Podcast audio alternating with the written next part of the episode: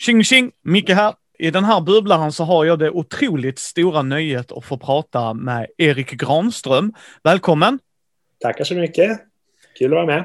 Ja, ditt namn florerar ju lite om man spelar rollspel, framförallt på svenska, men även nu på senare tid på internationellt sätt liksom. För du har ju gjort, jag tror nog det är en av de hejpaste, eh, liksom konfliktsviten och svavelvinter och eh, Ereb Alter var du ju med i ett finger i, vet jag bland annat. Du var väl en av huvudaktörerna där. Så att jag har ju lite koll på vem Erik Granström är, men jag tänkte vi, vi jag brukar alltid vilja börja dessa intervjuer med att lära känna Erik. Liksom. Så vem är Erik? Ja, det, det, det, har jag frågat mig hela livet också kanske. Nej, men alltså, jag har, jag har gått egentligen från det ena och det andra. Jag, jag, började spela rollspel när det kom, innan det kom till Sverige. Det var första Dungeons and Dragons på, jag tror det var 70-talet. Det var någon entusiastisk kompis som tog hem den här och så började vi spela det och jag blev väldigt så förtjust direkt ju att vad kan jag göra vad jag vill? vad är det här? den här känslan. Så att det tog något år och sen började jag som spelledare och, och, hittade på lite världar. Och det blev det som blev Svavelvinter mycket sen. När det kom till Sverige så hade jag ju material. Och en av mina spelare eh, skrev åt äventyrsspel tidigt då. Jag tror det var det här Skönheten och odjuret, något av de där väldigt första äventyren. Och, och då började vi prata om det, jag kanske skulle skriva något också. Och då skickade jag en synopsis och det var Anders Blixt som var redaktör på, på det som sedermera då blev Svavelvinter. Och då tog jag in lite prylar som vi hade spelat redan. Liksom, fast det var ingen värld, utan vi, de gick liksom från... Jag hittade ju på kartan eftersom ungefär. Sådär. Och sen, sen fortsatte det så. Och sen, ja, så det är min rollspel. Och, och då var jag ju som sagt spelledare, egentligen det jag varit mest. Och vi höll på tills gruppen skingrades för att folk flyttade och så. Eh, sen, men sen har jag inte spelat så där jättemycket rollspel uppriktigt sagt efter det. Utan sen skrev jag ju då klart den här konfluktsviten, men då hade vi redan slutat spela någonstans i Oraklets fyra ögon. Och sen har jag gjort annat egentligen, fast jag har ju alltid varit intresserad och följt det hela. Och eh, sen har jag ju skrivit, skriver jag ju då romaner också parallellt. Så det har jag ägnat mig åt. Men du vet, sen har jag haft eh, lång utbildning och arbete och familj och sådär. Som alla. Så att, Ja, jag sa ju det off mic. Jag blev väldigt positivt överraskad att du är utbildad veterinär. Ja, just det. Liksom för, eh, för min fru, jag har jobbat som veterinärsassistent bland annat och ja, dylikt. Mm. Liksom så.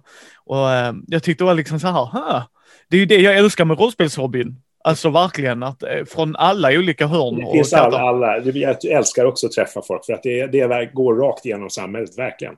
Och liksom, det är så kul, för jag träffar ju på jag, jag, skrev ju de här grejerna, mina grejer, alltså svavelvinter och konfluktsviten på 80 och 90-talet. Och de personerna är ju nu liksom 50 eller, eller yngre eller äldre. Och jag träffar ju dem överallt. Det är det som är så festligt. Du vet, de kan vara politiker eller de kan vara rörmokare eller de kan vara läkare. Liksom, man kommer och stöter på någon. Jaha, är det du som har skrivit det där? Så då har pratat rollspel. De, de är ju överallt, vi rollspelare. Jag tycker ja. Spelar du brädspel, Erik? Ja, en del. Jag är väldigt dålig förlorare bara, så jag har lite så handikappad. Så nu när mina barn då visar av pinsamma situationer så då spelar vi ofta sådana här samarbetsspel, där man spelar mot spelet, typ eh, Pandemic och den typen av grejer. Ja. Att, eh, ja. För vi brukar få ställa frågan, är du en marriage ratio eller Eurogamer? Förstår du vad jag menar då? En gång till. Antagligen inte. nej, vi brukar ställa frågan om, om du är Ameritrasher eller Eurogamer. Okej, okay, den, den för, frågan förstår jag nog inte riktigt. Nej, nej uh, Ameritrasher, och det är löst term här, uh, mm. stor pensel, är uh, när man gillar temat mer. Mekanik är inte så här, uh, det ska finnas där, men temat är det viktiga. Och Eurogamer... Ja, köper jag, jag köper första direkt. och och Eurogamer är den som gillar att putta kuber och är där för mekaniken, temat. Nej, jag, jag, alltså, jag är inte speciellt road av regler, det har aldrig varit. Utan jag är en sån narrativ person som tycker om att hitta på Eh, världar och händelser, stories och personer. Så att mekaniken har jag alltid tagit med vänster hand. Så. Ja, ja, ja, ja. Mm. Härligt, härligt. Jag kan säga så jag också när jag liksom spelar rollspel, men något i mitt hjärna när det är brädspel så vill jag ha mekaniken. Ja, ja men alltså det, jag har ingen motståndare som gillar mekanik. Det är bara personlig preferens. Det är ganska roligt när man kommer på något klurigt mekaniskt också kan jag tycka. Så, ja. så, det är så, så att, ja. Eh, spelar du någon rollspel alls idag? vi spelar lite, jag med mina vuxna döttrar då. Och, det, och vi spelar eh, eh Svärdets sång, alltså Forbidden Lands. Ja, ja, ja. Det, är spel jag, eh, spel jag själv skriver åt just nu. Ja. Och det är ju delvis för att, ja, dels vill de göra det och dels så är det ju för att jag själv ska bli lite mer bekant med just reglerna. Ja, ja, ja, ja, ja. För jag skrev alltså den settingen, det jag skrev när det spelet kom, det var ju setting, alltså världen. Mm. Och sen en kampanj som heter Korpens klagan. Och de skrev jag egentligen båda innan det fanns regler. Oh. Jag visste ju att det fanns, alltså jag visste ju att det skulle bli eh, det här Mutant Years Zero, den regelmotorn, men den hade jag inte någon erfarenhet av å andra sidan heller. Så att jag skrev på. Jag fick ju lite så här, gör så här, gör så här, ja, ja. Och sen så fick de fylla på liksom regeldelarna. ja, jag gillar det. Ja, är du då rull eller rollspelare om du förstår vad jag menar med den frågan? Ja, men det är ju rollspelare, absolut. Ja, eh, men du, du sa där att du började med att spela Dungeons and Dragons där på, var det röda boxen eller vad den heter? Eh, det var ingen box alls, utan det var små häften. Det var Chainmail och Greyhawk och eh, First Edition. Det var små häften alltså. Det var inga boxar då inte. nej, nej, nej. nej. Jag, Men... jag kommer ihåg att jag fick den här Advanced Dungeons and Dragons kom efter några år. En sån här Monster Manual. Den har jag fortfarande. Oh, wow, liksom en färg på utsidan. det är inte fasin längre, vad fasiken. Nej, för att du tappar ju lite så här skärmen också. Nej, då. Nej den gillade jag. Eh, men du står ju under som en, en av huvudpersonerna bakom världen, Ereb Alter. Om jag har förstått det här rätt. Till ja, men jag var ju med där när vi skapade den världen då, ja. Mm. ja. Det var så här, det publicerades ju först en karta i Sinkadus. Yes. Som liknade Europa väldigt mycket och det blev ett ramaskri då. Så att då, då, fick jag uppdraget av, av Äventyrsspel att, att göra om kartan. Ja. Och det, så, det, så det är faktiskt jag som har ritat den Erebalto-karta som åtminstone gällde då fram till det här, den nya, nya världen senast där. Ja. Men det klassiska Erebalto, det var jag som ritade den kartan och hittade på många av de där länderna till namnet mycket bara. Men som, som sen liksom andra utvecklat, det är ju jätteroligt. Ja, men hur, hur började det arbetet? Alltså var det någon som kom och petade på dig och sa tja Erik, vi vill att du gör detta? Ja, det var nog efter den där, den där malören då med, med Europakartan.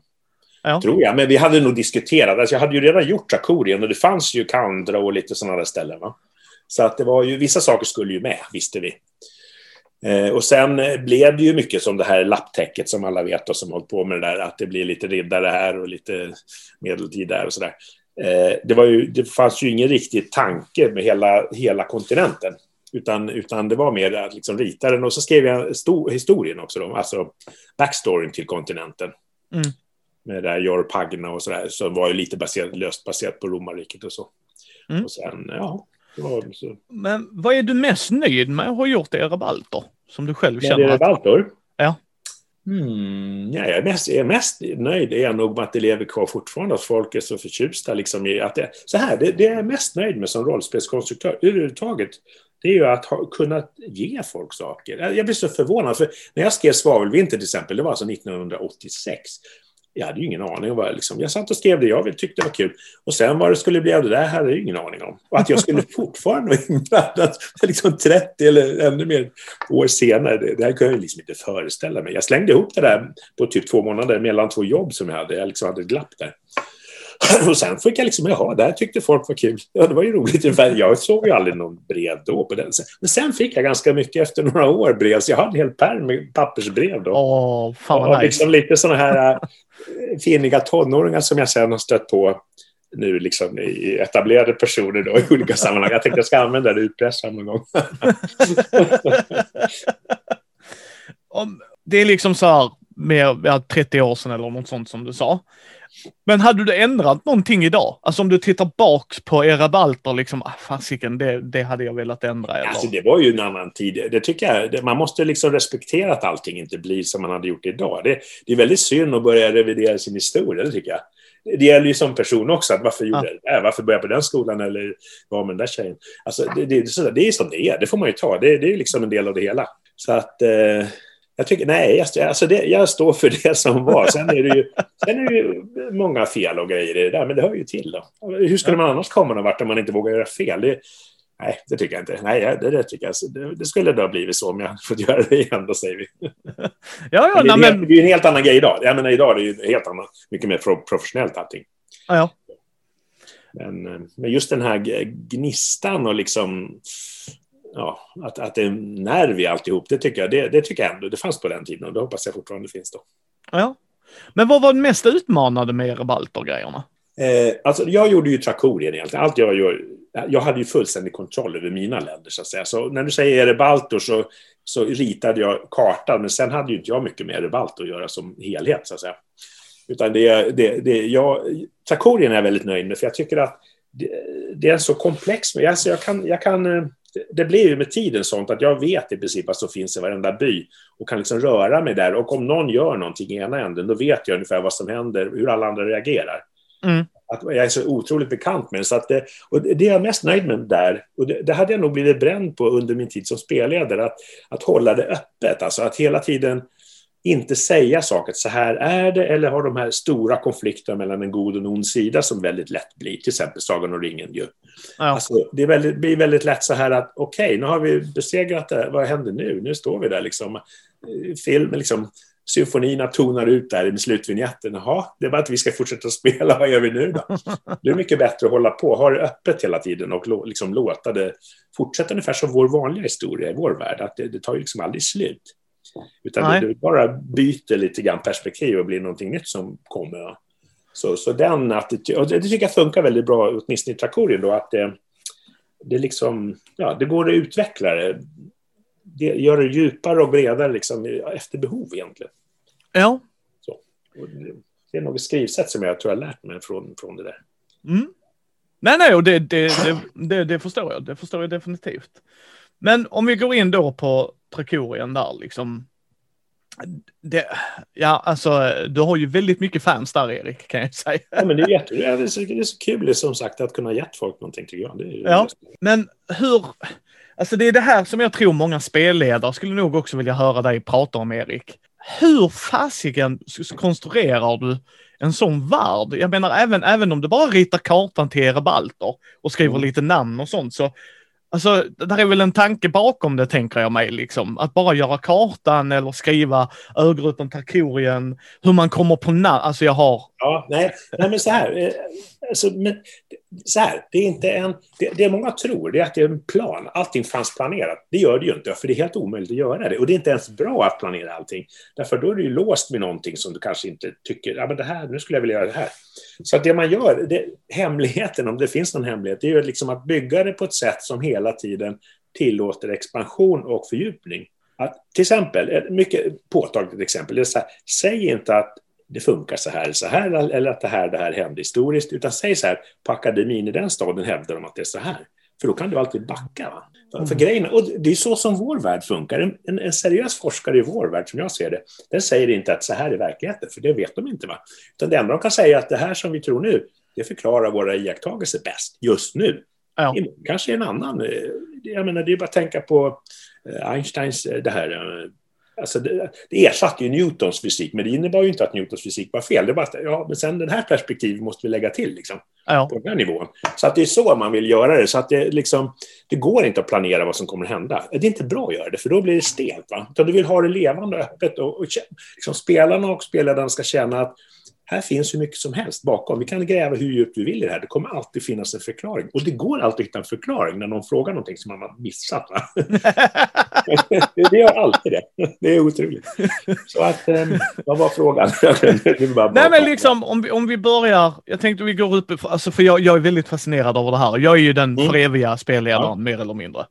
Uh, och jag är okej okay med det. Uh, och man har gjort egna hemmagjorda varvar mm. och så. Men en grej till exempel jag är riktigt dålig på är namn.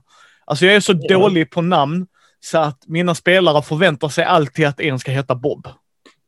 Alltså, okay, okay, okay. det är liksom, i min spelgrupp så är det, ah, där kom Bob, okej, nu, nu är vi med. men, men hur gör du? För att jag menar, Trakorien, Marjura, alltså, ja. Det är ju klassiska just, namn alltså, nu. Det, just namn tycker jag nog är en, en, en grej som jag är ganska bra på. Och det, det är ju inget jag har lärt mig direkt, utan det är snarare att hela tiden lyssna efter saker. Om du stöter på någonting i ditt yrkesliv eller att du går på ICA eller någonting och ser det här, det här låter ju nästan som någonting. Och så spar du det. Va? Ja. Så, att, så att liksom du, till exempel Trakorien, där finns ju många namn som är från mitt veterinära bakgrund. Det, det vet jag om du känner till. Trakorien ja. är ju trachea, luftstrupen. Oh. Och pa paratorna är parathormon som är ett sköldkörtelhormon. Och safina är en ven på insidan av låret som heter vena safena.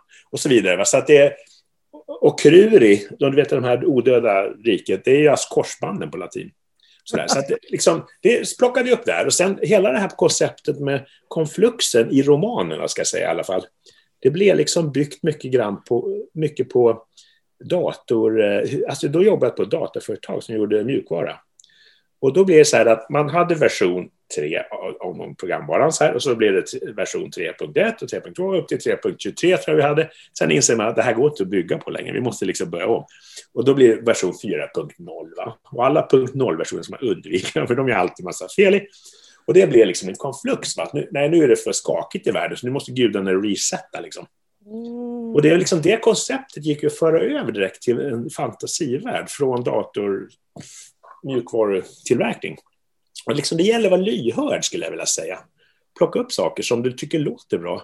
Och just namnet Marjura har ingen... Det kom, alltså Jura är ju en sån här eh, period i vår urhistoria. Och, och då, där tänkte jag Mario, det ska vara hårda vokaler för då låter det liksom gammalt och bas, basalt. Så det är A, Marjura, det är ju bara hårda vokaler. Så, där. så ja. man kan jobba med sånt också. Vad låter? Liksom lyssna lite grann på namnen. Ja. Och sen ta, kan du ta ett befintligt namn, kasta om vokalerna i så får du någonting annat som ofta låter bra. Sådär. Alltså, det här är sjukt spännande, Erik. Alltså, det är verkligen... för, för jag... här, det, finns en, det finns en filosof, eller Shagul, han är skurken. Shagul kommer för övrigt av Shigella, som är dysenteribakterien. Han kallas för Shigella till och med i romanerna, när han är liten. och kejsarinnan Henneguya, det är en fiskparasit, Henneguya. Och så så det, de, det finns mycket sånt. Du, du, tror kanske vissa fans bara, men vad fan. ja, men det är ganska kul. Och, och så finns det en, en hertigen Jalsop i romanerna som är en skurk, liksom en sån här maktmänniska. Han är ju alltså baserad på två personer som jag hjärtligt avskydde som jag träffade på. jag ska inte säga vilka, för då stämmer de nog. och sådär. Så det, man plockar upp saker. Men ja, vad skulle du säga? Ja, nej men för sen har vi ju, det leder in till min följdfråga hur man gör minnesvärda skurkar eller SLP och, mm. och liksom, för, för det, jag, jag tar ju alltid inspiration. Jag är lättare att komma på hur jag vill hen ska vara liksom så. Mm. Jag vill ha en manlig så här och så här och så här. Mm. Det är bara namnen jag fallerar på oftast, för det kan jag oftast googla mig till. Men, men, men hur gör du? Var, var får du din inspiration ifrån när det gäller minnesvärda karaktärer? Ja, alltså det viktigaste tycker jag med alla karaktärer, även bifigurer, det är att de, har, de, får, de ska inte bara vara på ett visst sätt. Utan de ska ha en agenda. Liksom. De ska tro på någonting, man får försöka tänka, okej, okay, om de tror så här, för jag utgår från att nästan alla varelser, om de tänker uttaget i, i min värld, liksom tycker att de, det de gör är de, det, det är okej. Okay, liksom. jag gör det här för att det här är rätt. Eller jag är hungrig. alltså, det är inte, jag är inte ond. Alltså, jag har gått Nej. ifrån det. Ont och gott har aldrig intresserat mig. Därför att det är för eh, enkelt och platt. Alltså. Jag tycker det är mycket intressantare, även i vår egen historia, att försöka förstå hur tänker folk egentligen? Menar, om du tänker de värsta skurkarna i vår egen historia, eller bara kanske folk du inte riktigt gillar just nu. Eh, så tänker, ja, men hur resonerar de? Liksom? För det, mycket, det blir mycket intressant vad du förstår dem och de blir mycket mer eh, levande, tror jag. Så att ja. jag försöker nog ofta, eller jag försöker alltid hitta, liksom, hur funkar de här? Vad tänker de? Vad vill de för någonting? Ofta, vad vill de är bra? Vad är det som driver dem? Va? Ja. Så att eh, Schager till exempel i romanerna blir han ju mer utvecklad tycker jag. Där, där blir det ju att han, han ju liksom inte ser sig inte som ond. Och jag hade målsättningen med romanerna att i den sista romanen han dyker upp sista gången, då ska man som läsare kunna sympatisera med honom och förstå honom. Och man ska inte riktigt tycka om sig själv för att man gör det. du? Att det ska vara liksom, så, det ska vara lite så kluvet ofta. Ja. Det gillar jag. Och det är så här, om du tittar på en film, om det är en ond skurk, liksom, hur kul är det? Det är mycket roligare om det är någon skurk som... Och, till exempel, jag är inte så jätteförtjust i Marvel, men, men det finns den här Thanos heter väl han. Thanos, ja. Thanos. Ja. Han har ju ändå någon slags agenda som jag kan sympatisera. Alltså, han, har ju, han är inte ond, utan han har någon idé varför han gör det han gör. Så, så jag gillar inte de filmerna, men, men åt det hållet, förstår du? Att han, han liksom ja. tror på någonting. Ja, alltså han är ju, jag är ju mer DC-fanboy än Marvel. Jag läser en del ja, serier. Men, ja, ja, men, men det är, är, fortfarande en av mina favoritskurkar genom alla. Ja, men just för den grejen, att de är yes. begripliga. De ska vara ja. begripliga. Mm. Precis, för han tror ju det han gör är det bästa för universum. Ja, och det, det är så det ska vara. Ja, precis. Jag dödar hälften och så får andra hälften mycket bättre. Medan så de andra, men då dör ju, ja ja, men jag tror på det här. Och det, det är som du säger, det blir en nyans bakom det. Liksom. Sen kanske jag inte håller med Thanos, men... Ja, verkligen, alltså det, så är det ju. Det är ju Chagall det finns ju sak, massor med varelser som jag verkligen inte gillar i mina egna böcker och spel. Så måste det ju vara. Ja. Du behöver inte alls hålla med dem, men det, så är det ju också. Man kan förstå dem. Det, det gäller ju inom svensk politik. Om det är sidor där du inte gillar, va? Ja, men jag försöker ändå förstå hur de tänker. För hur ska jag annars kunna överhuvudtaget liksom överbrygga klyftan? Kan ja. stänga av så här många procent av Sverige och inte prata med dem. Det tycker jag är fel som man har gjort ibland. Utan man måste försöka förstå varandra. Det är ju enda sättet att komma framåt för alla egentligen. Och jag håller helt med dig, för att det, det, är en grej som jag har pratat om väldigt mycket i podden, att det har hjälpt mig med själva rollspelandet. Uh, ja, liksom... lätt att sätta sig in i hur andra tänker. Ja, ja men precis. Det, liksom. det har man nytta av, det tycker jag. För, för då blir det liksom att eh, många glömmer ju, ja men eh, hen tror nog det här av en anledning. Förstå anledningen så kanske man kan komma till, som du säger, bygga bryggor. Att, och, och jag tycker också det är lite synd i samhället idag att det är inte okej okay att tycka annorlunda. Nu säger jag inte jag extrema åsikter. Nej, jag extrema förstår vad du menar. Va? Att man måste åtminstone få framföra det. Sen kan man vara beredd att diskutera då att ja, men jag håller inte med dig för det här, bla bla. Ja. Sen finns det ju naturligtvis de som kan klassas som onda. Det, det måste man också ja. klara över. Men det är inte speciellt många och det är inte speciellt intressanta personer heller. Nej, Nej så att det... Nej, jag, jag håller helt med dig. Minnesvärda skurkar är inte platta. Alltså, det, det, det, ska vara komplexitet bakom dem. Och Mm. Hur sjukt det än må vara så tror de på sin idé. Det här är bästa idén. Ja. Jag ska köpa allt. Och sen kan det ju vara att de kan ha en ren liksom, fascistisk inställning att ja, men vi tillhör en grupp som är bättre än ni. Ni är bara ni är likställda med djur. Okej, okay, ja, men då, det är det de tror, då vet jag det. Då kan jag liksom utgå från det. Va? Och jag behöver mm. verkligen inte sympatisera med dem, men jag kan ju framställa dem på det sättet. Då. Ja, och det, men hur vad anser du? För jag, jag tycker ju eh, tropes är väldigt intressant. Jag, vi har ju en del här på Mindy på äventyr, eller på Mindy-podden är ju att vi börjat göra Mindy på äventyr där jag spelleder folk, mm. eller vi spelar rollspel i alla fall. Och jag hade ju med Axel mm. från Vi spelar rollspel som jag vet bland annat spelar ju din konfliktsviten. Liksom. Ja, ja, vi känner varandra mycket väl. Ja. Mm. Uh, han och jag, vi gillar ju tropes. Alltså du vet så här klassiska filmknep, alltså så här, skurken är vill ha den här grejen för att den, den kan förstöra hela världen. Liksom. Ja, du menar McGuffins och sånt där? Ja, McGuffins och sådana grejer. Vad, vad tycker du om sånt? Flebotinium är också ja. det ämnet som kan fixa allt. Liksom. Yes. Men, men... Eh, det är... Alltså så här, det är roligt att leka med tropes, om, om man kan lite driva med dem. Men då ska det ofta vara så, i spelsammanhang skulle jag vilja säga att om jag tar in en trope så ska är det oftast tror jag att de ska gå på det spelarna och tro att nu är det så här, fast det är det. För att jag har gjort något annat med den där och så, Men äh, de är mer leksaker tycker jag. Jag tycker att jag försöker nog undvika dem. Men ja. det, det, det, kan vara bra att använda dem när man pratar om någonting, för ofta faller man ju lite förbaskat in i dem. Och, och det är ett sätt att klassificera typer av intrig och så. Så att, jag är lite så allergisk. Ibland säger folk så här, ah, det finns bara sju typer av berättelser. Så där. Jag, jag för egentligen den här, vad heter den där nu då? Den där klassiska boken. Oj. Uh, hjältens... Ja. Ja, ja, jag vet vad du menar. Att, där är, det, det, att finns det, bara... det, finns bara så här många typer av historier. Och det här, alla, all dramaturgi följer den här linjen. Så det där är ju bara godtyckligt. Det är inte så att all, alltså det finns inte bara sju sorters historier. Utan det är för att vi har valt en indelning. Vi kunde ha valt fem eller vi kunde ha valt 20, det, liksom, det är ju inte så. Det är inte, det, det är inte verkligheten. Det är en modell som är användbar, men that's it. Förstår du? Jag skrev ja, ja. ett blogginlägg om det där, att det finns egentligen bara två sorters historier. Det är de som innehåller hamstrar och inte innehåller hamstrar. Och det stämmer ju. Va? Det är en godtyck. Det är också en modell. Men yes. det, är inte så användbar, men det är också ett sätt att se på det. Nej, men jag håller med dig. Jag håller med dig. Det är, ja, så att, eh, tropes är mer ett, verktyg som man kan analysera och prata om och så där. Då vet man liksom, vi kan prata om en sak som vi på ett enkelt sätt, ja men det är den här tropen jag är inne på nu. Okej. Okay. men, men jag försöker undvika Jag försöker överhuvudtaget vill jag inte gärna planka om jag kan undvika det. Men kanske använda sådana då förutfattade meningar och driva lite med dem eller få folk att gå på, gå på en fälla. Men eh, hur mycket speltestade du när du satt där med... med... Inte alls. Inte alls. Ja.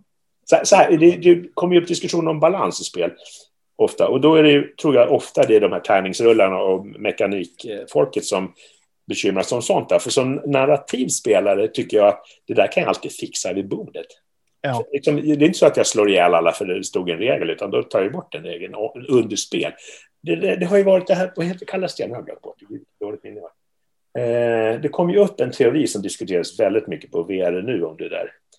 Om mm. det här som, heter, allting ska vara förberett, att man, det får inte komma, tillkomma regler eller företeelser som inte fanns innan. För då, ska, då får spelarna, då vet spelarna liksom att jag spelar mot ett system som inte kommer att ändra sig. Jag har inga problem med det uttaget att, att ändra sånt. Alltså, vi är här för att ha kul. Det är ja. en grej. Ja. Nej, nej, men jag, jag är med dig Erik. Jag, jag är ju av... Jag, jag försöker läsa regler. Vi har ju eh, Mindys första intryck där jag läser rollspelsprodukter och sen mm. så filmar jag och, där vi bläddrar igenom produkten och jag pratar lite om det. Och jag försöker oftast följa, alltså så här, ja, okej okay, jag förstår lite vad ni vill med systemet. Mm. Men jag är också av den devisen att vi ska ha kul. Okej, okay, jag vill göra den här grejen, gör grejen då. Mm. Det står ju inte reglerna, då hittar vi på alltså, det. Jag har inget problem med regler, jag tycker det är jättekul. Och ibland ser man, wow, det här har jag tänkt igenom. Yes. Så, jättekul, alltså, jag, jag har respekt för folk som tycker om regler. Det är bara det att för mig är de sekundära till upplevelsen. Så att jag gillar dem inte att ta bort dem. Och liksom, jag bekymrar mig inte om balansen, för det finns ingen balans ändå. För om man inte har ett speltestar jättemycket, som ett dataspel, där måste de hålla på och speltesta. Ja. Det är en gigantisk investering. Men jag vet inte om det finns roll. Ja, kanske D&D 5 nu då skulle vara väldigt, väldigt testad antagligen. Ja, men sen balans är ju fortfarande ett dåligt tärningslag är ju fortfarande ett dåligt tärningslag även om oddsen så liksom. Så att ja. för mig är spelarna är alltid fokus. Ja, det är, inte, det är inte viktigt helt enkelt. Alltså. Nej har, har de kul har jag kul som jag brukar säga. Och sen, eh, sen... sen får det inte vara så att de märker att jag hela tiden anpassar mig efter. Det får inte, det måste vara, de måste känna att de har ett val som betyder någonting naturligtvis. Men det kan man åstadkomma ändå tycker jag. Att, mm. Jag kan ju säga också, i den här situationen är det här som gäller. Slår du nu en etta, då är du död. Och då vet ja. jag, då är det det som gäller i den situationen. Så att visst, man måste göra, men jag kan ju förstå det där också, att, att det ska vara givna förutsättningar. Så det, är en balansgång bara. Ja, så vi var ju lite inne där med Axel, fantastisk människa överlag Axel, och älskar det de gör. Ja, där. min 60-årskalas faktiskt. Åh, oh, vad trevligt! Eh, men hur känns det att de, inte nog med att de spelar det, mm. alltså ditt, ditt, ditt äventyr, men sen även liksom gör att folk kan lyssna på det. Ja, men det är jättekul. Alltså, jag, jag har inga problem att folk tar mina grejer och gör någonting annat av dem. Det, alltså det tycker jag bara är roligt. Att det, och det ligger ju i spelets natur. Att man, det, jag tror ännu mer så med det här nya spelet Forbidden Lands nu då. Svärdets sång på svenska. Att det, där får man ju liksom mer en slags verktygslåda från mig som konstruktör. Där man kan fylla i. Där, för specifikationerna för det spelet är väldigt mycket att det ska gå att spela på massa olika sätt. Man ska kunna alliera sig med de som uppfattas som goda eller onda eller mittemellan. Liksom det, ska, det ska vara väldigt flexibelt helt enkelt, som en sandlåda. Då. Och eh, då ligger det i den sakens natur att folk måste anpassa och göra, lägga till saker. Det tycker jag bara är roligt. Det har jag verkligen inget emot. Nej, nej, nej, jag bara tänker, har du lyssnat på alla Ja, jag har lyssnat på hela deras där chakoriska, absolut. Ja. Jag har faktiskt inte plockat upp det nu. Jag tror man börjar igen nu. Det, ja. det har jag missat. Men, och där, vi har kontakt Axel och jag, så det, jag älskar de där figurerna, man lär känna dem. Men för, för, jag tänker, för dig måste det vara så extra speciellt. Dels att du har skrivit det och dels vad var det, Oraklets fyra ögon, att du spelade med din spelgrupp upp dit. Mm. Uh, men hur, hur, hur, hur, känns det när, för det blir ju, jag vet, jag vet, det känns lite som att se sin bok bli filmatiserad. Alltså förstår du vad jag menar? Ja, lite? absolut. Och sen det roliga är ju att det blir olika berättelser varje gång. Ja. Det är det som är charmen också. Så att, nej, jag tycker det är jätteroligt. Jag får krönikor lite då och då till tillsända och så här. Det brukar jag är väldigt roligt åt. Speciellt om man har hittat på något listigt, va? Som, man kommer på något som inte jag kom på. Men har, har, folk hört av sig till dig och frågat specifikt hur har du tänkt här? Jag förstår ja, inte. Ja, det gör, det gör de ibland. Att jag förstår inte hur det är. Och någon gång kommer någon med ren, alltså det kan ju vara rena felaktigheter naturligtvis, som man har missat bara. Ja. Det, det ska jag ha tänkt fel. Eller så kan det vara så att man redaktionellt då har missat eller lagt till någonting som inte stämmer med något som jag sa på en annan sida. Det var, senast var det så faktiskt att någon kom och sa eh, i det här Svärdets sång att på en äventyrsplats så säger någon det här, men det stämmer ju inte med backstoryn som är så här. Och det gjorde du inte förstås. Och då sa jag det, men förmodligen, då, det, så här, det finns alltid en lösning. Va? Och då sa jag så här, det var något spöke som hade någon agenda där som byggde på att något hade hänt som egentligen inte hade hänt. Så ja, men hon måste vara missinformerad helt enkelt. Hon, hon tror naturligtvis att det är så. Det är bara att det har inte varit så, utan någon har lurat henne för att, av något skäl. Va? Eller så har hon helt enkelt liksom byggt den storyn själv i huvudet därför att det passar med hennes ilska eller någonting. Och det går ju liksom alltid att lösa. Det, det, det blir naturligtvis inte felfritt. Det, det, det, skulle Nej, göra det, liksom, det är den här 80-20-regeln, att man kan bara lägga så här mycket energi. Sen är det bättre att börja med nästa projekt. Ja, ja, ja, ja, jag är med dig. Jag är med dig. Jag bara tycker sånt är jätteintressant. Liksom, att, ja, och det ska man inte vara så nervös för att det blir något fel här och där, för det, det vet ju alla. Det får man väl bara fixa det då. Det, är ju inte så att det förstör liksom alltihop, utan det, det, det, det, är inte som att man har byggt en raket som ska till månen och så upptäcker man att oj, det var visst fel här. Utan det här går ju att fixa i under spel. ja, det hade varit illa där. Bränsle. Wii! Ja, Men nej, alltså jag, jag, jag, jag tycker det är jätteroligt att eh, svavelvinter lever kvar liksom. Ja, ja, det är kul. Ja, men där är ju även ett rollspel från fria ligan. Nu vet jag inte om det är tryck längre, jag har böckerna här bara. Ja, det, alltså det, det, är svårt, det går nog inte att få tag på längre, men det var ju deras första spel faktiskt. Det var ju så att järnringen då i den tidens reinkarnation la ner. Jag kände ju dem mycket väl och de gav ju ut Svavelvinterromanen första gången också. Järnringen som gjorde då det ursprungliga MUTANT. och det var en eh, Joakim Bergström hette han då, som eh, eh, ledde det. Men han hade så mycket att göra så han fick lägga ner det bara. Alltså det var inte för att det gick dåligt eller att alla, någon var arg eller så, utan han, han hade inte tid. Och då så, eh, ja, då slutade Då kunde de inte ge ut del två av min romansvit, som jag hade skrivit precis. Så jag stod utan förläggare och sen kunde de då inte fortsätta med Svalvinterspelet som de hade börjat tänka på.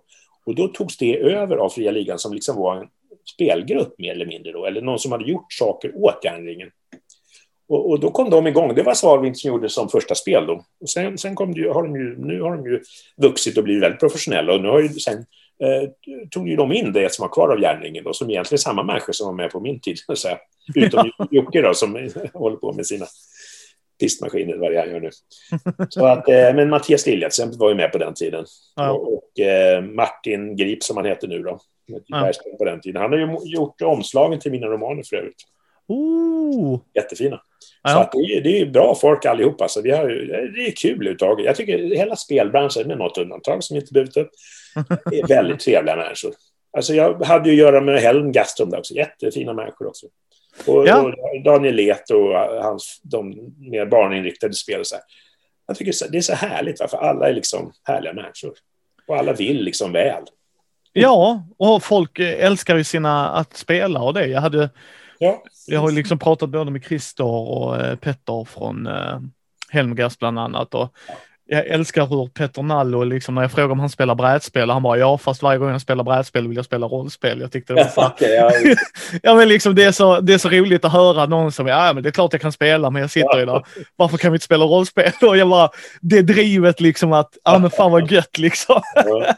men du har ju också då skrivit så här, som du säger, Svärdets sång-världen där, Forbidden mm. Lands då för de internationella. Men av, av dina tidigare grejer, både romaner och det, hjälpte det dig att komma lättare in i den här liksom så här, för jag antar att fria ligan kommer till dig, hej, vi vill ha en fantasyvärld. Ja. Alltså så här, och sen ger dig lite så här ramverk. Alltså, du vet, tänker du vet, mig, Svärdets sång, Forbidden Lands, det var ju ett stretch goal till Nisse Gullikssons artbook. Ja. Det känner du till? Yes. Det, det, kom en artbook av Nisse Gullikssons, det är han som gjorde illustrationerna till gamla Drakar och Demoner på 80 och 90-talet. Eh, de, de liksom mest berömda, ska jag säga. Det var flera. Eh, och då skulle det göras ett rollspel med hans teckningar, så jag fick alla hans gamla teckningar och sa gör någonting av det här, sa Fria Ligan. Och så lite specifikationer. Det ska vara gritty och det ska vara fokus på det här och det ska vara, kännas gammeldags med moderna regler. Så, va? Men sen fick jag ganska fria händer. Och då, då tänkte jag naturligtvis, okej, okay, här har jag nu alver och dvärgar och halvlingar och allt det där som man ju har haft liksom, med att göra i nu i 30 år. Kan vi hitta på något nytt med dem? Och då försöker jag göra det. Och det tycker jag verkar som det har lyckats ganska bra. För att det är många som är förtjusta i, speciellt den här eh, halv, halvlängdsmännen där har ju ganska rolig twist. Jag vet inte om du, hur insatt du är i spelet? Nej, jag har inte läst det än. Jag har det, har allting till det, så att det ska komma videos Nej, det, det, är ingen spoil egentligen, för det här kommer man ju på ganska snart. Men det är så här att halvlingarna är egentligen samma släkte som svartalfer, som är liksom de också ju Nisse hade gjort bilder på, som är svartfolk. Jag gjorde så här att, okej, okay, när en kvinna av de här två släkterna, för de heter släkten och inte raser tog jag bort, för det, som mm. veterinär är ras fel uttryck till att börja med. Sen är det ju allt det här konnotationerna. Ja. Hur som helst, eh, svartalfer och halvlingar i det här spelet är samma släkte. Så när en kvinna får barn, då får hon antingen eller. Man vet aldrig vilket. Oh. Och det där halvlingarna är jättenervösa för de vill inte ha med de andra att göra. De vill, de vill vara de här gemytliga och liksom ge ett intryck av att vara så, allt är så bra. Så att då, då får de här kvinnorna av båda släkterna som blir gravida och ska föda, de går till speciella byar där det finns barnmorskor och så får man sina barn och sen delas de ut så att det blir rätt. och, sen, och sen får man inte prata med dem, för det är tabu. Att liksom, halvlingarna har en kultur att ja, vi är så glada, allt är så bra. Vi, vi ska ses på den här lilla land, lantliga puben och dricka och sjunga sånger och dansa. Men de får aldrig komma hem därför att där finns allt det där som ingen får se. Liksom, gamla farfar som, det, som vi gömmer liksom, och låser in på kvällarna. Och, liksom, så här, och de missbrukar och slår sina barn. så, så att det, det, liksom, det finns en, då, då blir det lite en satir av vår tid. Va? Liksom, det ska vara så fint allting och vi ska lägga ut våra fina bilder på Facebook och det som inte är bra i vår familj, det visar vi inte. Liksom. Så det är front. Det där, det där gillade folk väldigt mycket tror jag. Ja, ja sånt, sånt, sånt är intressant. Men sen har du gjort Korpens klaga också. Ja, just det. Det var en kampanj då till det här spelet. Ja, men hur... Du gör en värld, mm. liksom så här Svärdets sång, och den har ju blivit väl mottagen. Och, ja, ja, det är jättekul. Ja, jag vet att Andreas Lundström från Sweden Rolls, det var ju där de började med att spela i Forbidden Land som jag minns rätt. Mm, ja, ja, visst. Och honom känner jag mycket väl också. Ja, han är en underbar människa. Mm. Väldigt, väldigt, han har gjort mycket av våra introlåtar. Så att ja, just det. Ja, okay. ja, han är mycket, mycket, alltså roligt att höra när han spelar det. Men mm. då gör man en värld och sen tänker jag mig, som du säger, du, du fick så här, det ska vara sandbox och allt det där. Och sen gör du Korpens klaga. Hur gick det arbetet till? Liksom. Alltså då, så här, min, min, min, erfarenhet från att göra sådana här världar och även större liksom, kom, komplexa äventyr är att man måste samla på sig en viss volym av komplexitet. Och när du har gjort det, så att det liksom, där finns, här finns de där sakerna, ligger, de ligger där borta, där ligger, det är som en skrotnisses verkstad, förstår du? Ja. Det ligger saker överallt. Och sen börjar jag se, men det där passar ihop med det här. Va? Och sen börjar knyta ihop, så det, efter ett tag börjar det funka av sig självt. Och så bygger du bara på och knyter ihop. Eh, och det, det är det, när du gör det här får du inte vara för tydlig med att säga att så här är det. Du får inte liksom skriva saker i sten, utan du får bara säga det förefaller vara så här, tror man där. Va? Å andra sidan så verkar det inte stämma riktigt med det här. Och sen så när du plockar ihop det så utkristalliseras i samband. Och de ser du inte innan. Det går inte att se dem innan, därför de finns ju inte heller. Utan du måste liksom upp i en viss volym och sen börjar jag liksom se, okej, okay, vänta nu lite, hänger inte det här ihop? Jag vet inte om, du, om man till exempel har läst, om man har lä satt sig in i någonting, om man har en hobby. Säg, säg, att du är väldigt intresserad av ishockey, eller som jag är väldigt intresserad av historia. Så när man har liksom läst en viss mängd, eller kan ganska mycket om olika lag och spelare, då börjar man liksom se, men det där passar ju där. Va? Förstår du? Att man börjar se andra saker som man inte kan se innan. Så tycker jag det funkar väldigt mycket att göra en värld. Att du måste upp i en viss volym och då får du inte vara så kritisk, utan kom på roliga idéer liksom och samla dem lite så här och där. Så här. Sen börjar du knyta ihop det. Och då ser det, sen börjar det nästan ge sig själv, tycker jag, efter ett tag. Sen har jag ju nu tränat på detta i ganska många år, så att det, det blir lättare när man... Jag vet ungefär vad jag letar efter, förstår du? Ja, ja, ja, ja absolut, absolut. Du har ju ja, men sen, kan, så, nu till exempel, nu är det så här, jag tänkte börja skriva en roman i den här världen, svärd, sångvärlden. Mm. Nu, när jag är klar med den här. Jag håller på med en expansion som jag är nästan klar med. Ja. Typ ett par månader till så är jag klar med den. Som är i landet väster om det här första landet man kommer till. Det första heter Ravland och, och sen nästa heter Aslene som ligger väster om det. Så min expansion handlar om det. Sen har ju då Magnus skrivit en expansion norrut i det här polarlandet med där. Och så att vi kommer att göra förmodligen på det så att man liksom bygger på kartan med expansioner och då får man reda på vad som finns där. Så att nu, nu är jag nästan klar med det här ryttarfolklandet och som ligger västerut. Och då, då, då kom jag på en nekromantikersekt där som jag tyckte, jag märkte att så fort jag började använda den så blev det jätteintressant. det börjar så här, nekromantiker finns ju många spel och de är nästan alltid onda, alla hatar dem, är rädda för dem. De bor i något träsk eller i något högt torn och ingen vill veta av dem egentligen. Va? Ja. Då var det någon som frågade, men jag har en nekromantikerspelare som vill lära sig av en nekromantiker. Det bara går inte att få tag i någon för de är ju och alla jagar dem. Då tänkte jag, går det att ha en, liksom en socialt acceptabel nekromantiker? Då går man på en, en orden av en nekromantiker som... Det är så här, I den här världen så, när folk dör så dör de inte alltid, utan de blir liksom sittande och vet inte riktigt vad de är och vad de ska göra. Och då har man en liten inhägnad vid kyrkogården där farfar får vara. Liksom. Och så går man dit och pratar med honom, men han får inte fälla med hem igen, för du död. Liksom. Och då kommer jag på att de här nekromantikerna, de kommer då till byarna och alla är lite rädda för dem. Och de går då och pratar med de här levande döda. De rastlösa döda kallas de för i spelet. Och så är det något problem. Liksom, vad är det som gör att du inte kan dö? Liksom? Ja, men det är... Och så får de liksom försöka lirka ur dem vad det är. Och då, då de här nekromantikerna tar då på sig, ja, men jag ska hjälpa dig. Liksom. Och då kan det vara, jag blev mördad. Liksom. och jag tyckte inte det var okej. Okay. Jaha, okej, okay. men då, jag tar på mig det som min quest nu. Jag går och mördar den här personen och hämnas åt dig. Så de, här, så de här nekromantikerna är liksom tjänstemän som hjälper de döda att finna ro. Och det kan vara att de bara, ni måste prata, du, du måste bli vän. Din gamla hustru måste bli vän med din son. Liksom. Det är därför jag inte kan dö, för de är ovänner. Då kan man ju reda ut det där och då antagligen. Men sen kan det vara så att de, nej, vi måste gå och göra slut med de här mördarna. Ja. Så de, de, ligger bakom det här. Va? Eller hämta tillbaka någon som har blivit bortrövad. Då gör de det. Och då är det så här, när de har hämnats på någon så dödar de dem. Och sen väcker de upp dem och så har de dem som sina tjänare. Det är någon slags botgöring för de här skurkarna. Va? Att de både är snälla mot de döda, men de tar också till sig odöda som tjänare. Och det är liksom helt acceptabelt. Och de där blev väldigt intressanta upptäckte jag.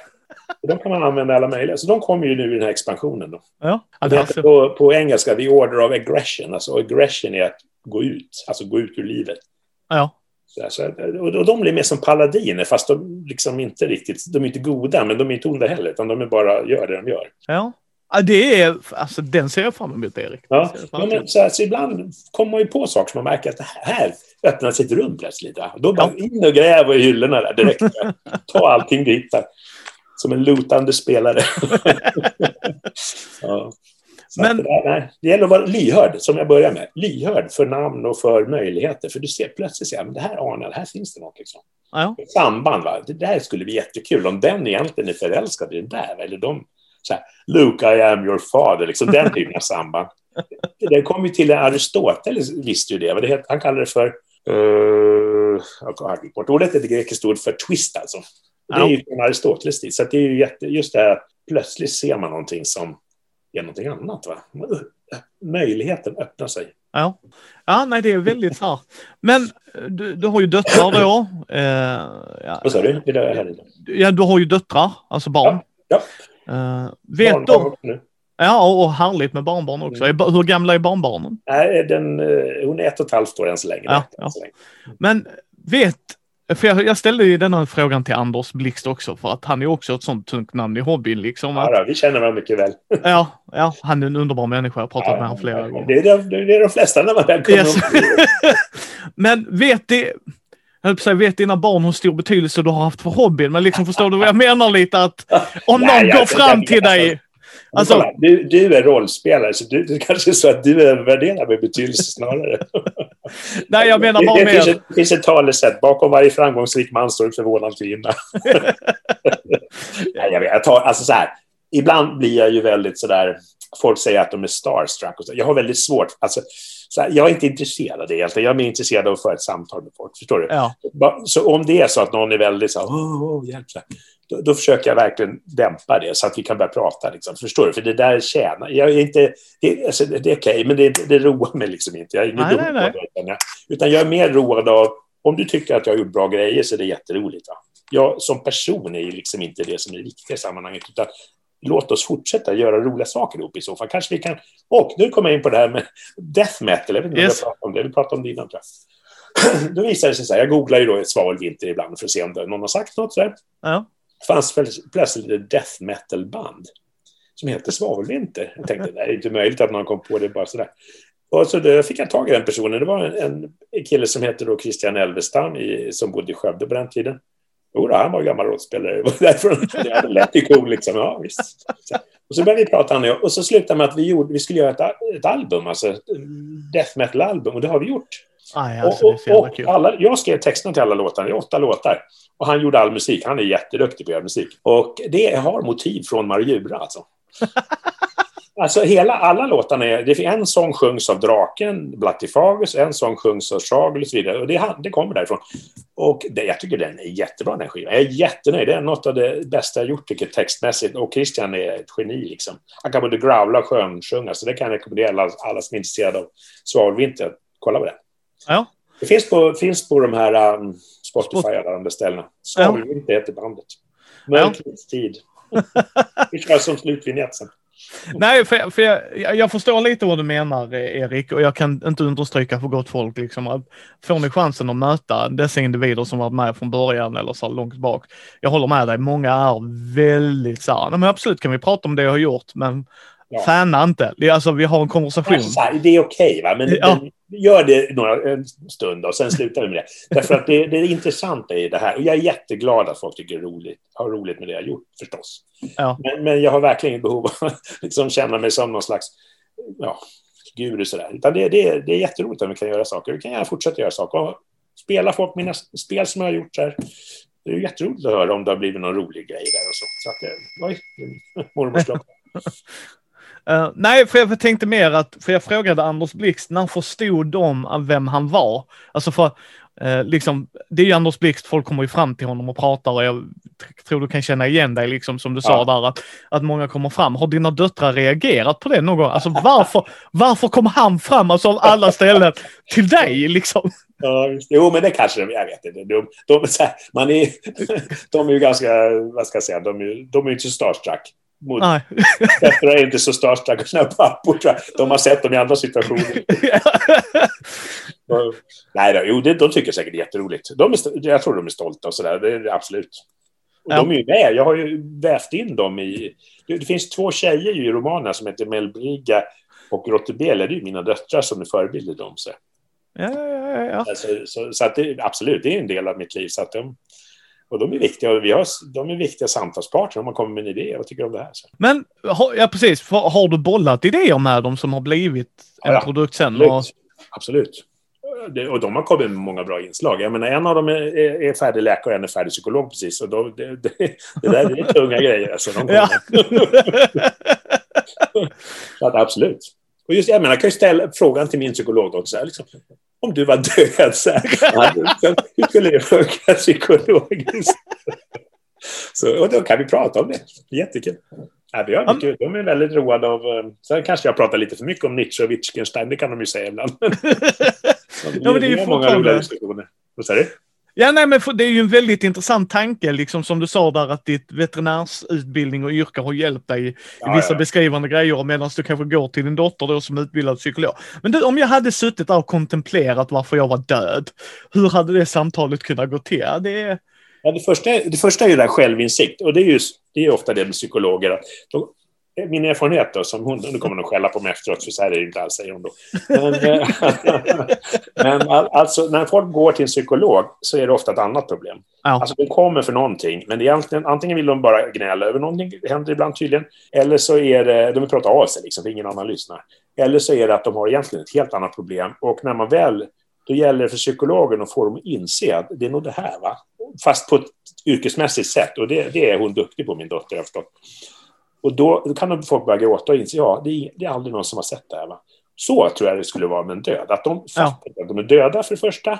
Och sen börjar de inse, ja, gud, är det så det är? Så och sen så kanske de inser, ja, det är det här som är problemet. Jag tror den här egressorn då, som de heter, de här nekromantierna, eller psykopomper, de, deras första uppgift är liksom, vad är problemet? Och jag tror den där döda har svårt att minnas och svårt att uttrycka sig antagligen, så de är nog duktiga på att lirka då, som en psykolog. Ja. Men även psykologer som de här också då, det är inte de som ska driva föreställningen, utan de är bara där för att få fram grejer som ur den här personen som den har själv egentligen. Va? Så är det. Ja. Alltså, det är jätteanvändbart. Och sen ska jag säga det här med att de är psykologer och läkare, visst, det är jättebra, men sen jag menar bara att ha varit förälder är oerhört givande oh, erfarenhetsmässigt. Då. Ja, det kan jag tänka Bara ha de känslorna och kunna skriva in dem i en person, då, det är ju det är guld. Ja. Men du har ju skrivit eh, romaner också. Mm. Ja. Och eh, bland annat då om svavelvinter, men även andra som jag förstått det som ju. Mm. Vad föredrar du? Rollspelsmaterial eller romaner eller är det likvärdigt? Ja, det är, alltså, det är roligt båda. Det, jag tycker inte alls... Nu har ju som, som sagt de här svavel, de romanerna bygger ju på det gamla, den spelvärlden. Och det är därför jag nu tänker börja skriva en roman igen, därför att det där är inte så dumt. Va? Det, dels, dels är det så här att man bygger ändå upp världen. Man får en massa komplexa idéer och massa roliga idéer som kanske inte passar i spelet. För att en roman är något annat, där bygger du något mycket mer komplext som du har total koll på egentligen. Ja. Så att eh, det, är en annan, det, är helt, det är en annan grej. Så man måste inse liksom att det är två olika saker. Och vissa grejer går där, vissa grejer går där. Men att det är väldigt bra att samköra dem där för att du får ju väldigt mycket gratis. De ger varandra. Så att, ja, det ser jag verkligen fram emot att börja med den romanen nu. Jag har ju skrivit lite andra romaner, men då blir det mycket lättare att det blir en konstruktion, därför att du har inte den här stora massan med information. Och sen ska man ju naturligtvis också tänka på att då, om det är massa folk har spelat ett spel och du skriver en roman i den världen, jag som har hittat på världen, då, kom, då har jag då har jag liksom ett par tusen gratisläsare direkt. Yes. För att det är svårt att lansera roman idag. Det vet alla. Oh, ja. Så att det, det, det, är ju naturligtvis också. Men, men så här, jag är inte ute efter att få läsare eller tjäna pengar, vilket man ändå inte gör på romaner och spel. Men så här, jag skulle gärna tjäna pengar på det. Men först ska det bli någonting som jag kan stå för och gilla. Det liksom, jag vill inte tjäna pengar utan att, för någonting som jag inte riktigt tycker om. Och det tycker jag det gäller när jag läser en roman till exempel, eller ser en film för övrigt. Så om jag märker att den här författaren är ute efter liksom att få läsare eller, eller framstå som någonting, tappar totalt intresset. Alltså jag vill ha den här brinnande visionen, att det ska finnas en författare som har någonting komma med, som de, den, den måste älska det den gör. Va? Ja. Och det, det vill jag inte skriva någonting som jag inte älskar. Så det, det, är liksom, det andra är en, nästa steg, kan man säga. Först måste det vara någon som äh, oh, hur ska det gå nu liksom? ja, det vet man inte som författare heller då, utan man, det gäller, oj, nu blir det så här. Men kommer den bli översatt också? Jag tror det finns betydligt större möjlighet att översätta den till engelska ganska omgående därför att spelet görs på det sättet. Ja. Så det är ganska naturligt. Och det är naturligtvis, jag ska inte säga en baktanke, men det är ju någonting som man, jag lägger in i det hela. Ja. Klart, för jag vill, man vill ju bli spridd. Om man skriver böcker vill man ju att folk ska läsa dem. Ja, nej, så är det ju. Det, det, kan jag tänka mig. Det är dumt att skriva något som ingen ska läsa. Nej, dumt är det inte. Jag tycker folk kan skriva saker och lägga i byrålådan för det är roligt, om de tycker det är kul att skriva. Men jag vill ju gärna eh, alltså, bli publicerad och det vill nog många, men inte alla. Det är helt okej att inte bli publicerad tycker jag också. Eh, jag tänkte vi skulle också börja närma oss en avrundning här, Erik. Du, du, har ett eget liv också här. Eh, men eh, tre tips till någon som vill göra eh, rollspelsäventyr. Liksom. Ja, Eh, ta inte inspiration från befintliga spel och eh, fantasy om det är fantasy du ska göra, utan gå någon annanstans som du gillar. Någonting du har, för du har säkert någonting annat. Så jag, jag, jag läser inte mycket fantasy. Jag tycker inte så många fantasyfilmer är mycket att ha. Utan jag, jag läste främst historia och, och jag plockar in saker från annat håll. Va? Så att det är det första. Var, snegla inte på det som är gjort, utan gör det du kan bidra. Hitta din egen stil. Ja, gör det du gillar. Va? Gör det för att du gillar det. Om det sen blir bra så då är det helt okej. Okay, liksom, men, men du måste liksom göra det för att du gillar det. Det tycker jag också är viktigt. Så att, börja inte liksom göra det för att ja, jag skulle vilja vara författare. Det är många. Äh, det är väl okej okay också, men det blir sällan riktigt bra tycker jag. Om, om det är den primära drivkraften. Nu, nu, till exempel Edding började väl blanka tolken om jag fattar rätt med den här Shannara-serien. Det gjorde, diskade honom direkt i mina ögon. Alltså jag skulle aldrig läsa någonting av honom. Nej. Så, men alltså det måste vara din grej och hitta en stil. Och det tar ett tag, så du skriver. Den första boken kanske blir lite si och så, och sen kanske du hittar en stil sen. Så att, eh, och det märker jag ju bara i mina så, de här konfluxböckerna, att det ändrar ju stil och man hittar lite mer sin, sin, sin egen stil. För du måste hitta en eget språk. Så att, och sen tänk på det att när du börjar skriva en roman, eller ett spel för all del, så börjar alla på samma ställe. Man har ett vitt papper eller en blank skärm. Det finns inget gratis från början. Och det gjorde även de här som är jätteframgångsrika. Ja. Så det kan tycka jag är en, är en ganska inspirerande tanke. Nej, jag, jag håller helt med. Jag håller helt med. Och sen ska jag tänka på det också, för det, alla, det kommer att finnas massor med folk som säger åt dig vad du gjorde fel och hur du borde ha gjort. Och då brukar jag hänvisa till en väldigt bra ställe som ni kan googla fram sen, som heter The Man in the Arena, som är ett tal av Theodore Roosevelt som var president i USA för hundra år sedan. Han sa någonting väldigt inspirerande som jag brukar läsa ibland när någon säger någonting som man blir lite ledsen av för det, om något som man har gjort. Att liksom, det är den som är där nere i arenan, det är den som räknas. Att de som sitter på läktarna och talar om hur de skulle ha gjort, de har inget att komma med. Men han säger det på ett väldigt bra sätt. Ja. Best the man in the arena, Theodore Roosevelt. Det är bara så här kort stycke. Ja. Uh, jag tänkte vi skulle avsluta med frågan, vad är underbarast med vår hobby? Eh, underbart med vår hobby, det är att dels det här som jag pratade om, att det går tvärs igenom all, alla typer av människor. Att det får folk att, att vara tillsammans. Och att jag tror det är väldigt stimulerande, alltså det gör oss till bättre människor, inte kanske... ja, alltså man, man, det är bra att vara... Man tvingas vara kreativ, man tvingas sätta sig in i en massa saker. Liksom det utvecklar ens egen fantasivärld och tankevärld, tror jag. I andra yrken och sånt, alltså. Jag tror man har nytta av det i hela livet. Ja. Så att, eh, ja, jag tycker det, det är en underbar hobby. Ja. Tack så hemskt mycket Erik att du ville vara med. Ja, jätteroligt var det. Ja. Tack för att ni lyssnat på Mindys bräd och podd. Ni hittar oss på mini.nu. Ni hittar oss på Mindys bräd rollspelspodd på Facebook, Twitter, Instagram, Youtube. Vill ni stötta oss, ta en titt på vår Patreon. Gå gärna in och ge oss ett betyg på iTunes eller på vår Facebook-sida så fler kan hitta oss. Så hörs vi nästa gång.